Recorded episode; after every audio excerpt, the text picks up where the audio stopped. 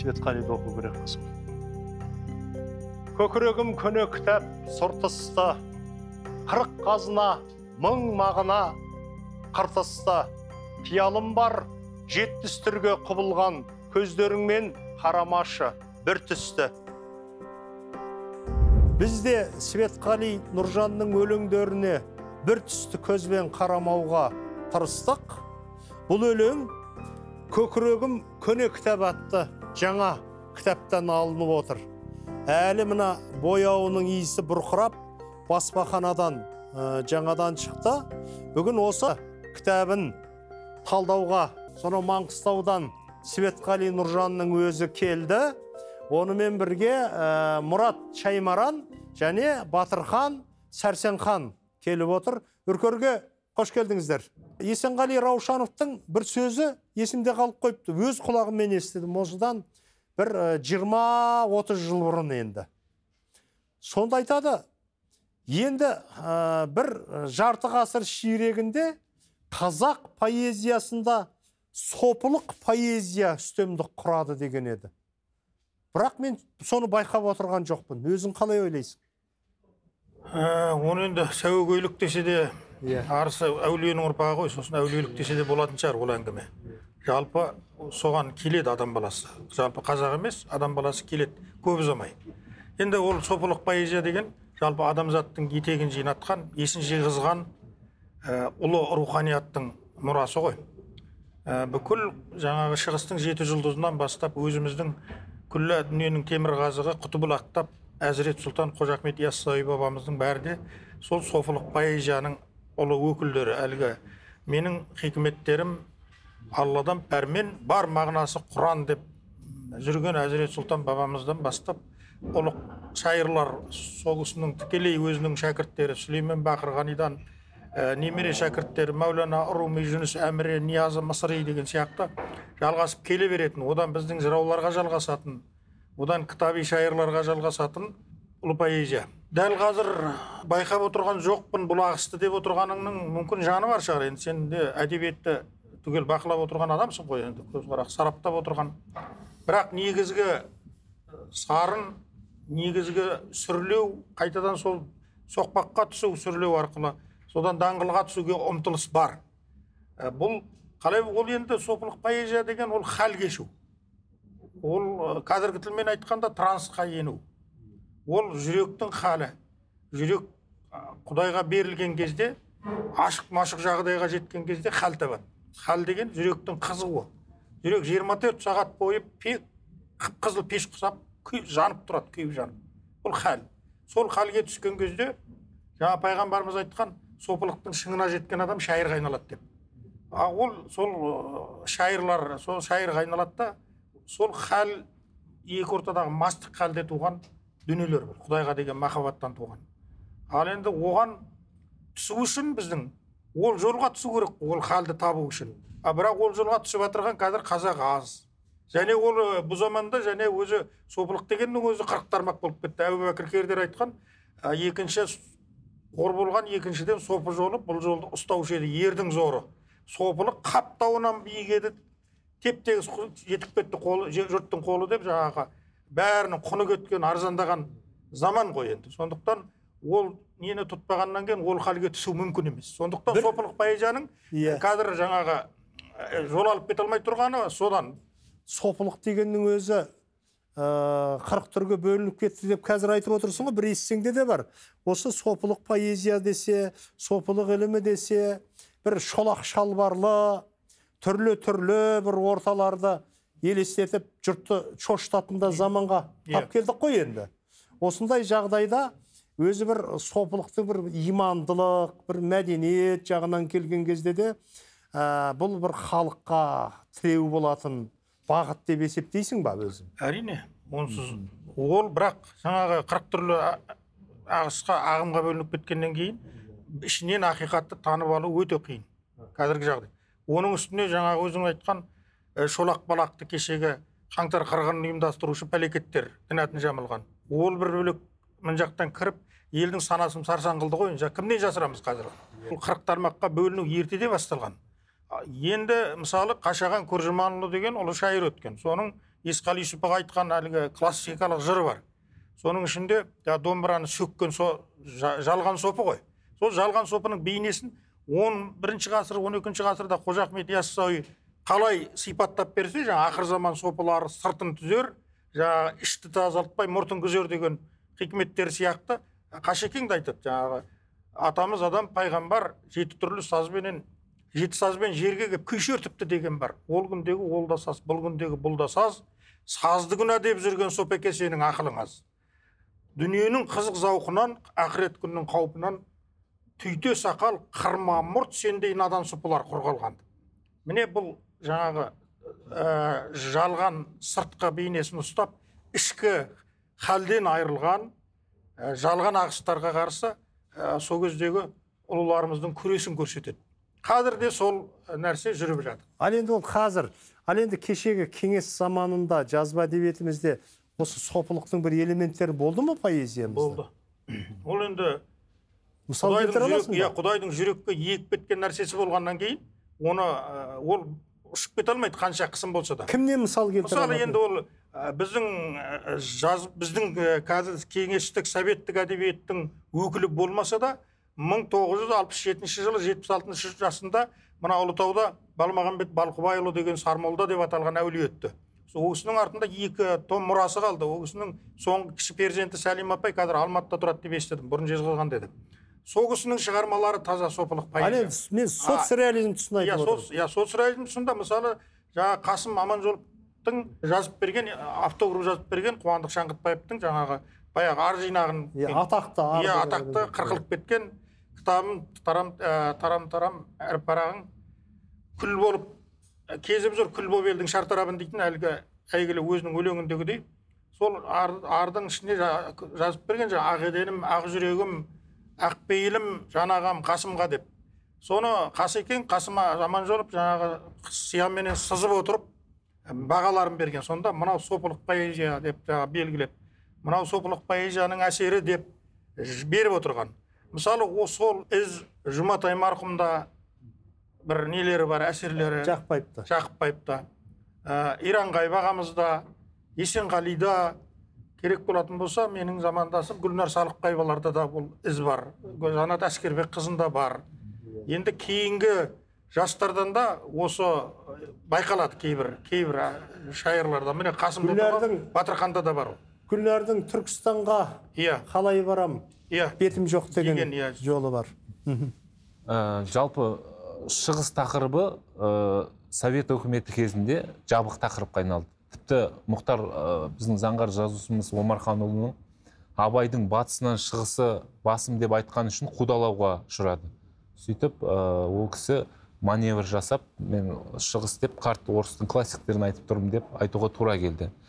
Ә, тіпті мынау біздің ә, әл фарабилер ә, мынау орта ғасырда еуропа ғылымының іргетасын қалап кеткен әбу райхан әл бируни ә, мынау әбу әли ибн сина жаңа зоологияға химияға атомға алғаш түсінік беріп кеткен орта ғасырлық ғалымдарымыз бүркемеленіп ә, сондай бір ә, саясатпен төменде ескіліктің қалдығы болып қалды. Мына әбіш кекілбайұлының бір сөзі бар еді жаңағы біздің шалдарымыздың бәрін ескі санап маяковскийді жаттап өстік деген.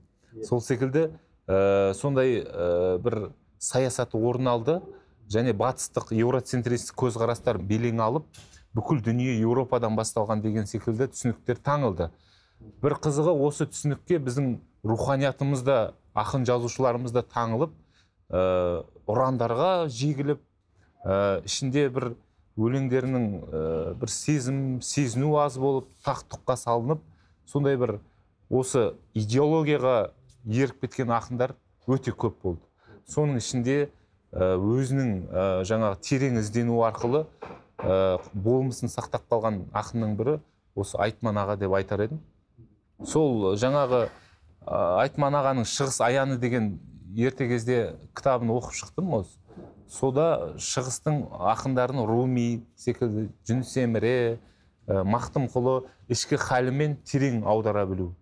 Бұл енді көкірегі қырағы ақынның ғана қолынан келеді деп ойлаймын. Мүмкін құдай бұны қалаған адамына ғана бұйыртатын шығар деп те бір ойлаймын. Мәке өзіңіз де жауап беріп көріңізші. Қазіргі ақындардың көбінде мазмұн жоқ қой деп ойлаймын. Ол ақын сопылық поэзиямен айналысса онда мазмұн бола қалды деген әңгімені айтып отырған жоқпын. Ғылым болсын ілім болсын әр салада болсын оқу тоқу әлі тіпті әлем әдебиетін оқу. Дұрыс айтасыз енді ол мазмұн жоқ рух жоқ деген нәрсе көзқарас жоқ ұстаным жоқ позиция жоқ деген нәрсе ғой енді. Бұл сопылық поэзия енді қазақта бүгінгі ғана пайда болды деген нәрсе өтірік ол ертеде пайда болған. Е, жалпы енді мына поэзияның бойынан егер сіз іздейтін болсаңыз бір көркем нәрсе іздейтін болсаңыз адамға керек нәрсе іздейтін болсаңыз одан көп нәрсені табуға болады. Тіпті халықтар тұтынып отырған жер бетіндегі барлық халықтар тұтынып отырған әртүрлі діндегі ізгі қасиеттерді табып алуға болады. Мысалы жаңа мейірімділік сол секілді жаңа кеңдік жомарттық сақилық деген дүниелер.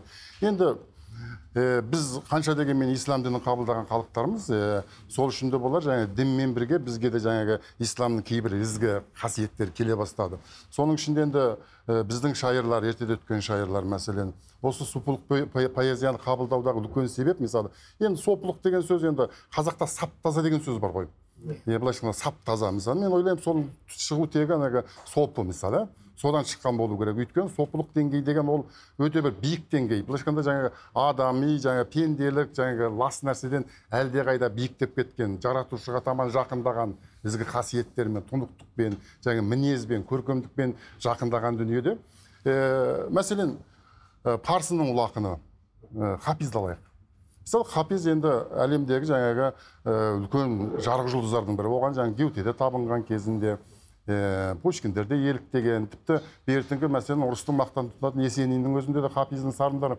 өте көп өте көп. Мысалы тіпті шарап туралы жырлауының өзінде де мысалы ә, блокты алатын болсаңыз александр блок мысалы өте салмақты өте бір құпия болып келеді. Мысалы пушкин сондай бір ауыр болып келеді. Ал есенинге келген кезде бір шарықтау бір сондай бір жаңағы шараптарды жырлау ә, өмірдің өткінші екенін өмірдің лас екенін бұдан да бір көркем дүние бар екенін біздің бұл сөзімді иә тірілтіп кетейін. есенин жаңағы өзін арылтып тазарту үшін сопылық поэзияны Иә. оқып содан кейін Иә. старт алып барып жазады екен. Есениннің ширазға бару да тегін емес.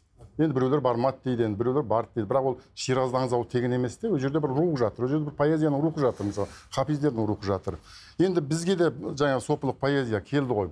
Келгенде ол жаңағы светқали аға да айтып жатыр сіздер де айтып жатырсыздар. Тіпті біз яссауи бабамыздан бастап бақырғани ә, шәкерім атамыз бар мысалы. Одан бері жаңағы қуандық шаңғытбаевты айтып отырсыздар. Ал енді қуандық шаңғытбаев жаңағы ар деген кітабында аудармалар бар. Мысалы дартман деген ақыннан аударады. Оның поэзиясында да сопылық дүниелер жатыр. Мәселен адамды бір тұнықтыққа шақыру биіктікке шақыру парасатқа шақыру. Иә. Міне көрдіңіз ба? Бұның барлығы енді сопылық поэзи- поэзияның деталі бізде бар деген сөз. Ал енді сол дүниені мысалы бертінгі біздің замандастарымыздың ішінде аға буындарымыздың ішінде соны бір жарқын үлгісімен жаңартып жіберген осы светқали аға. Мысалы әзіргі қазақ поэзиясын- поэзиясында сопылық э, жаңағы дүние бір жарқын үлгімен көрсетілмей жатыр дегенге мен ә, өзім қатты сене бермеймін өйткені светқали бар кезде светқалидың поэзиясы бар кезде ол нәрсе анық көрініп тұр. Мәселен светқалидың поэзиясын оқыңыз. Бұл жерде жаңағы жеке мен болмаса жеке өзінің жеке басы болмаса пенделі пендауи тірлігі туралы ешқандай сөз жоқ. Ешқандай сөз жоқ. Бұл жерде ұлттың қасіреті жатыр.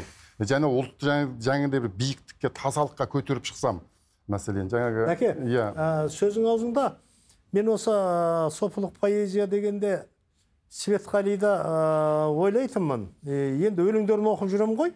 Бірақ енді ол ә, бір ә, күнде өлең туа бермейді. Иә. Анда санда жазып қалған өлеңі шығар. Енді осы әңгімелессем болды. Осы светқали уағыз айтатын шығар деп ойлайтынмын. Мхм. Бір жиындарда светқали кездессе айналып өтіп кететінмін. Иә. Иә. Енді уағыз дегенде а, тыңдау үшін адамға бір дайындық керек қой. Төзім де керек. Иә сөйтсем ә, осы ә, кітабын оқып отырсам уағыз емес кәдімгі өмірдің мысалдарымен береді екен. Және қалай өтімді мысалдар. Ал мына ойға қонымды ә, мысалдармен береді. Мысалы үшін мен анау ғайбат моншасы деген өлеңін ә, керемет бірнеше рет қайталап оқыдым. Егер мүмкін болса оқып бересің ба? Ойлап едім қанам деп қанша сырға ойлап едім қалам деп сонша сынға. Кінәм күнәм шайылып жатыр бүгін өсекпенен ғайбаттың моншасында. Көмір тілді бауырдың күкірттісі шайтан отын келеді құтыртқысы сылап сулап жанымды бұлап булап сабын өсек ғайбаттың сыпыртқысы. Сәуле таппай түнектен мүрдем сана жүрегіме жұқтырды кір қаншама тырнақтай кір бармақтай мін қалмайды кіріп шықсаң демі дерт бұл моншаға. Кәр төбет күзеткен кәртаң мысық моншаямай жасайды жан тән күлкілі көз гүрлетіп пешін жағып түрпілі сөз береді арқамды сып. Қастар саны көбейді бұл бір сынақ. Тас моншаны дәл қазір қылдым тұрақ. Кіргір болып кірем де көп ұзамай шығып бара жатамын нұр бұрқырап иге көнбес неме ғой көм ақынды? деп дұшпандар қырықпақ қанатымды пәктеп жуып жатқанын білмейді олар. Сапарыма даярлап ең ақырға ә бәрекелді. Міне сопылық поэзия десе біздің оқырманның ойына жаңа сіз айтпақшы уағыз айтылады деп ойлайды да. Иә. Бірақ жоқ бұл поэзия ешқашан дінге де өзі басқа нәрсе бұл діннен бөлек нәрсе. Бірақ жаңа сопылық поэзия поэзияның бойында жаңа жаңа суфизмнің ізгі қасиеттері сіңген кәне. Бірақ ол ә, светқали ағаның поэзиясы болмаса өзі ешқашан да ортасында отырып осы дінді жаңа осы ағымды дәріптеген емес ешқашан да. Бірақ өлеңінде жаңағыдай суфизмге тән жаңағы соның бір ізгі қасиеттері бар. Адам тазалыққа шақыратын қоғамды бүтін тазаруға шақыратын бір үлкен қасиет бар. Сонымен ерекшеленіп тұрады.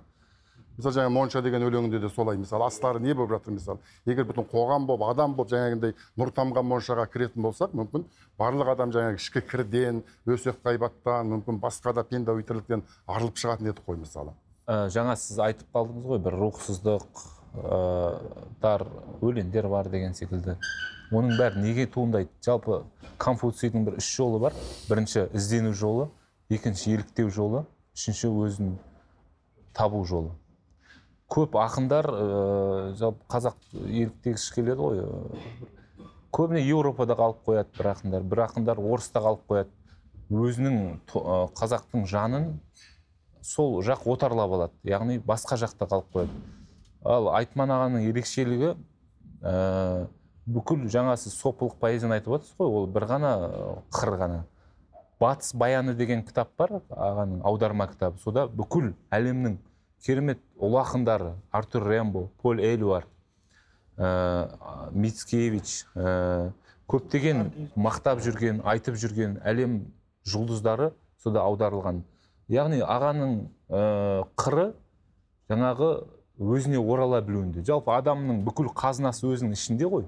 Сол іштегі қазынаны оята білгенде ғана адам ә, жаңағы шын ақынға тән қыры ашыла біледі. Жаңағы сопылық поэзияда да емес шындық. Шындық еуропада емес олардың бәрі адамның өзіне оралуына көмектесуші факторлар деп ойлаймын. Ә, айтман аға өзін өзінің жанын өзінің жүрегін тірілте білген ақын. Ә, өзін ағаның аудармасы бар жаңағы мұхаммед иқбалдан. Құшағын ашты жар ей пенде құдайдың құпия нұры бар сенде. Құшағын ашты жар жүректі қан кірпікті жас жылар өртенсең ышықтан шырқырап сол иіс бұрқырап ғаламды масқалар дейді. Мінекей аға өзінің жүрегіне ана мұса құдайды іздеп шығып өзіне оралды дейді ғой. Бұл кісі шынайы батыс пен шығысты мағрып пен машрықты тарақтап іздену арқылы өзін тапқан кісі.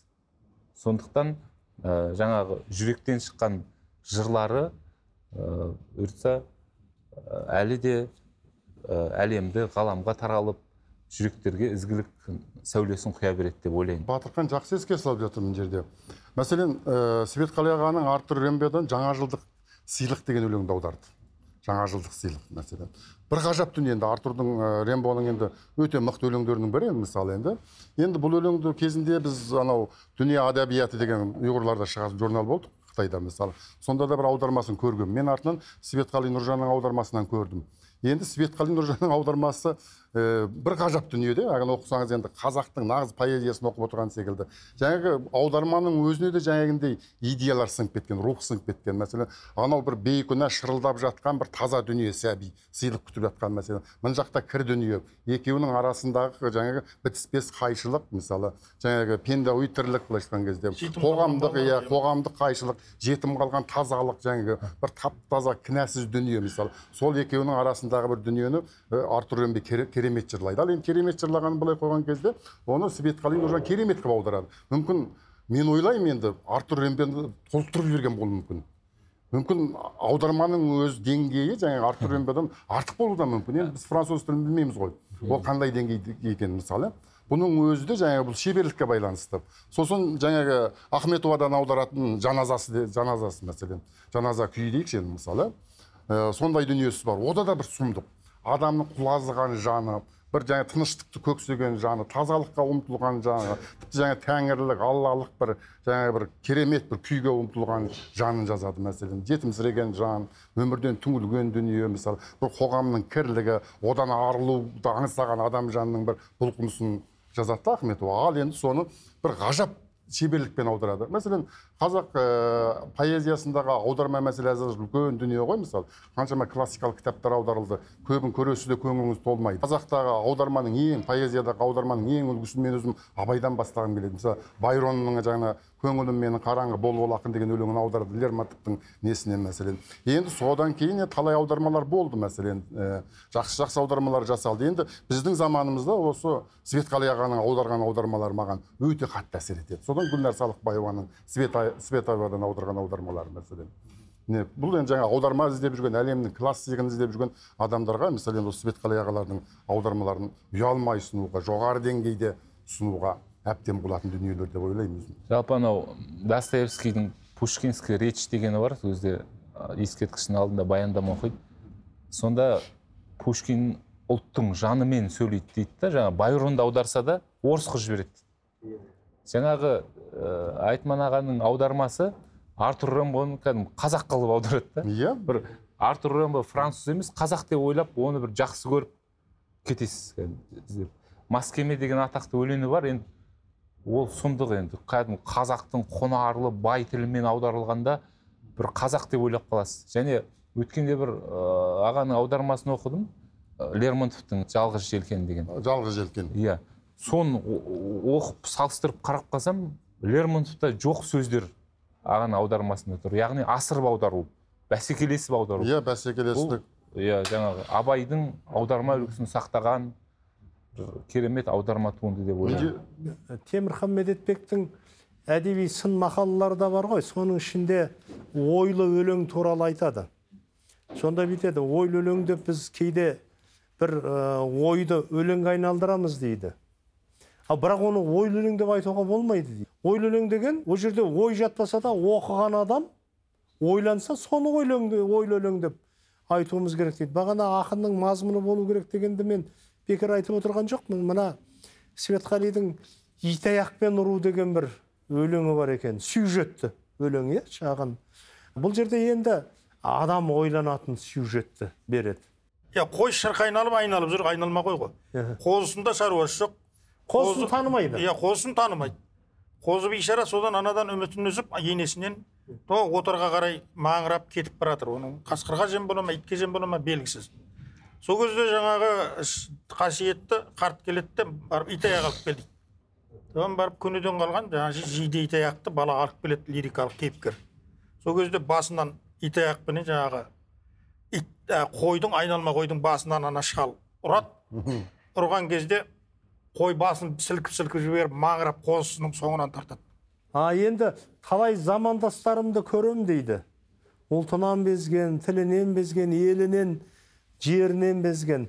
Әттең соларды басынан бір ұратын итаяқ қолыма түспей жүр дейді. Енді бұны бір азаматтық ә, сөз деп те айтуға келеді. А бірақ түбінде бір ұлттық ақындардың айтатын сөздері ғой. Жалпы енді бұл светқали ағаның поэзиясы ол ешқашан да жеке менге құрылған поэзия емес. Аха. мысалы светқали ағаның мұңы қасіреті ә, былайша айтқан кезде ол ұлттың қасіреті. Поэзиядағы мінезі ұлттың мінезі. Иә, өйткені светқалиды танымал еткенде светқалиды оқырманға сүйікті еткен дүние де осы. Ешқашан да жеке басын жырлаған емес мысалы жеке ұсақ қайғысын жазған емес мысалы. Е, одағы өлеңдердегі көтерген мазмұн тақырып мынау даланың ұлттың біздің жердің мысалы соның тағдырын көтереді ылғи да поэзиясы тақырып болып отырған дүниелер сол даланың даналығы данышпандығы. Мәселен енді светқали ағаның өмірі де өзінің өлеңіне ұқсайды негізі. Өйткені біз көп араласамыз жақсы білеміз мысалы светқалияға бір жерге баратын болса ең алдымен сол даланың әулиелерін кезіп шығады. Барып жаңағы зират басына барып зиярат етіп бұл бұл кісінің білмейтіні жоқ. Мына өлеңдерінде бар ғой. Оңтүстікті жырлаған жеке э, сериялы өлеңдері бар иә анау Иә. қазығұрттан түркістанға дейін. Дұрыс айтасыз Ә, иә енді ол маңғыстау жақ өз алдына қарқаралы жақтың бір топтама өлеңдері бар. Мен қарап шықтым өзі мынау қазақстанның ә, аймақ аймақтардың бәрін жеке жеке топтама өлеңдер ә, жасаған екен. Осы жол сапарға светқали жиі шығасың ғой деймін иә өте жиі шығамын жаңағы э, жанат жаңқашұлы деген інім бар қарағандыда. Иә. сол бір апта болсам звондай бастайды. «А, көке сіз үйде көп жатып қалған жоқсыз ба иә иә иә. Бір аптада. Мынау қазақстанның туризмін дамытамай жүрміз сені сол жерге иә үлгі ретінде алуға болады екен енді жасыратын ештеңесі иә, жоқ. жалпы светқали нұржан деген кісі маған мынау ұлы даланың шәкірті секілді сезіледі кейде. Иә. Бір турист ретінде емес мен жанымның қалауымен Иә, иә, рухымның иә. сұрауыменен жүремін иә иә. Осы қазақтың бүкіл киелісіз киелі бәрі пұшпағы киелі ғой. Соның бәрін сол көне бабалардың сол жерге сол сол заманға өтіп қайтамын да сол әр өткен ұлы тұлғаларымның өткен ұлы оқиғалардың ішіне кіріп өзімді суарып содан шығып кейін қайтамын. Мына- кейін қайту сапары өте ауыр мына мектепте оқытуға осындай өлеңдер таппай жүрді әрине оқушыға оқуға ауыр жаңағы өлең мысалы үшін. дұрыс айтасыз ал енді светқалиды оқуға кішкене дайындық керек адамда оны жасыратын ештемесі жоқ. Білім а бірақ бүкіл қазақстанның картасы өлеңге түсіп тұр иә? Қандай терең бұл енді ұлтын сүйген мына өзінің отанын сүйген үлкен жүректің жұмысы ғой негізі. Иә иә. Батыс деген айтса сіз түсінер едіңіз де мысалы өзі туып отырған батысты айтса мысалы сондағы әулие әмбиелер туралы айтса түсінер едіңіз. Бұл кісіге анау қытайдың ана шекараның ар жағында жатқан қытай жатқан қазақ даласындағы бір адамның атын айтып қалсаңыз танымал. Бүтін тарихымен сарнап береді сізге. Енді өлеңдерінің көркемдік жағынан да келетін болсақ менің байқағаным ең бірінші деп айтатын едім бұл өлең жолдарының тығыздығы шумақтарының тығыздығы бас аяғының жинақылығы. Мына ә, тасқа қашап жазған өлеңдер болады ғой. Ол жерде тасқа қашап жазғаннан кейін оған жаныңды салып кәдімгі саусағыңнан қан тамшылап отырып жазуың мүмкін ғой. Демек ол жерде артық сөз жаза алмайсың санап жазасың ғой. А сөйтіп қанша өлеңдер сюжетті өлең болғанның өзінде кәдімгі жинақы ә, санап жазғандай қылып жазған. Мен бір ерекшелігі осы деп байқадым. Сендерші. Жалпы өз басым әлем әдебиетін қарай отырып соңғы кезде қазақтың жанын іздей бастадым. Жалпы біз қазақпыз. Қазақ болсақ неге біз жанымыз орыстанып барады орыстанып кеткен? Неге жанымыз французданып кетті? Француз ақындарын оқи оқи байқамай солардың жанының ғадеттерін ғұрыптарын біраз жастардың жаны түріктеніп кетті. түріктеніп Иә. кетті. Бөтен емес бірақ түріктеніп иә түріктеніп кетті. Тым шығысшыл парсыланып кетті. Ал қазақтың жаны қайда? Деп іздей бастадық. Өйткені бізге қазір толассыз информация құйылып жатыр әлемнің кеше нобель алғандар бүгін шығып жатыр орыс тіліне аударылып. Соларды оқи келе біз өз жанымызды жоғалтып алдық. Қазақтың жанын жоғалтып алдық. Қазақ жалпы қазақ ақын қандай болу керек? Қазақ ақынның образы қандай деген сұрақ тұрды алдында. Сөйтсек ә, біз қазақ ақыны ол басқа ол мүлде басқа әлем. Ол қазақ ақыны жеке эгосымен тәкаппарланбайды. Ол тәкаппарланса ә, егер ә, арқыраса ол ұлттың мұңымен адамдардың халықтың мұңымен арқырап шығады екен. Қазақтың жаны бияз екен қазақ ақынының жаны. Және кәуірдің асын ішпек түгілі ізімен де жүруге намыстанатын иманы кәміл тілі мен ойы бөлінбейтін әулие тектес құбылыс екен қазақ ақыны деген. Ол кешегі қашағандар екен бұхар екен абай екен. Сол ә, биіктен қараған кезде бүгінгі сол 20 ғасырда талай зауал кезеңдерде қазақ үлгісін сақтап қалған бірегей ақынның бірі осы айтман аға деп білемін. Енді жаңа көркемдік жағын айтып отырсыз ғой. Енді жалпы енді светқали нұржан деген ақын мысалы ол көркемдік деңгейге ерте жетіп алған. Мәселен ең алғаш светқалиды мынау қазаққа қазақ оқырмандарына таныс қылған нәрсе ең алғашында сол көркемдік деңгейге жетуі ғой. Одан бір анау кейін қайыңның Иә. безіндей деген сөзді Иә. ертеректе бір талдағанын оқып қалған бір иә. ә, өлеңдерінде сондай бір шымырлық Иә, бар деген мағынада айтып енді отырмын одан кейінгі бұл кісінің мандаты ары қарай өзіңіз білесіз енді. Иә. ұлттың атынан не айтам ұлтқа не айтам ұлттың қандай трагедиясын болмаса қандай рухын көтере аламын қандай мұңын көтере аламын деген үлкен дүниелер ойланыта бастады ғой. Ол мақсатқа да жетті. Енді светқали ағаның поэзиясын оқып отырып енді сіз тілдік құрылымдарына қарайсыз ғой. Мәселен ескірген сөздер көп кезігеді. Ескірген сөздер. Бұл жерде мысалы мындай нәрсе мысалы ахмет байтұрсыновтың абай туралы айтқан кезде мысалы ақынның кейде оқырмандарды сынайтын кезі болады деген бір сөз бар ғой осы маған рас иә. Сол секілді светқали ағаның өлеңдері мысалы кейде оқырмандарды сынайды. Мысалы кейбір сөздерді білу үшін оқырман сөздікке қарауы мүмкін. Мысалы енді бұл әрине керек өйткені ұмытылып бара жатқан сөздерді жаңағы бір көркемдік бояуы мол сөздерді жаңағы архаизмге айланып бара жатқан сөздерді оқырманның жанына болмаса болашақ ұрпақтың жадына қайта түсіру мәселен оны да өзінің борышына алып отыр деген сөз. Қазір жын ектеп алды деген әңгіме соңғы кезде көп айтылатын болды. Мына адамдарда депрессия бәрібір бар ғой. Ол адамдарда ғана емес қоғамда да бар ол депрессия. Ал бірақ енді соны өмірдің мысалдарымен айтқан қандай? Міне ә, светқали нұржанның миссиясын түсіну үшін сайтанға ұрлану деген бір өлеңін ә, оқысаңыз түсінер едіңіз. Кәне светқали өзің оқып берші. Солқылдап тынбай сойқан ырғағы басыла түсіп қайта құрылады. Жүрегім дулап түнегін булап бүгінгі күнді сайтан ұрлады. Көзімді алдады мөлдір сағым боп сезімді арбады көлгір сарын боп. Сіркесі қоздап білтесі маздап сөндірмей қойды сөнгір шамымды от сайқал боп күліп үрия бетті көйлек қып киді дүрия көкті. Құрбан құлшылық қылған тіршілік бәрі де бүгін ірия кетті. Ырғалды гүл боп жайып құшағын бүр жарды нұр боп байытты сәнін.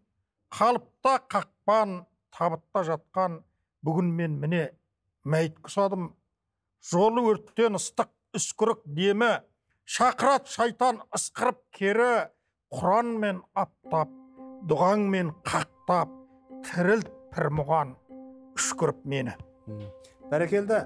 Мына светқали нұржан сұхбаттасу мәдениетін қалыптастырып жүрген ақын. Қай өңірде жүрсе де бағанағындай сұхбаттасатын адамдары бар ортасы бар. Енді ұлтқа осы светқали нұржан сияқты білім иелері білікті ақындар ә, әңгіме айтпағанда сұхбаттаспағанда басқа кім әңгіме айтады басқа кім сұхбаттасады деп ойлаймыз ғой. Мына сондай бір үлкен тұлғамыздың бірі әбіш кекілбайұлы еді. Қазір әбіш кекілбайұлын қолыңызға шырақ алып іздесеңіз де таппайсыз. Кітабы болмаса ортамызда жоқ сондай кезде үнемі ойымызға осы светқали нұржан түсіп тұрады бұл енді әбіш кекілбайұлы деген бір керемет көгілдір киелі күмбез десек соның бірден бір шырақшысы осы светқали нұржан ғой деп есептеймін светқалида қаншалықты ашалдық оған көрерменнің оқырманның патша көңілі төреші деп есептейік. Кітап оқыңыздар ағайын.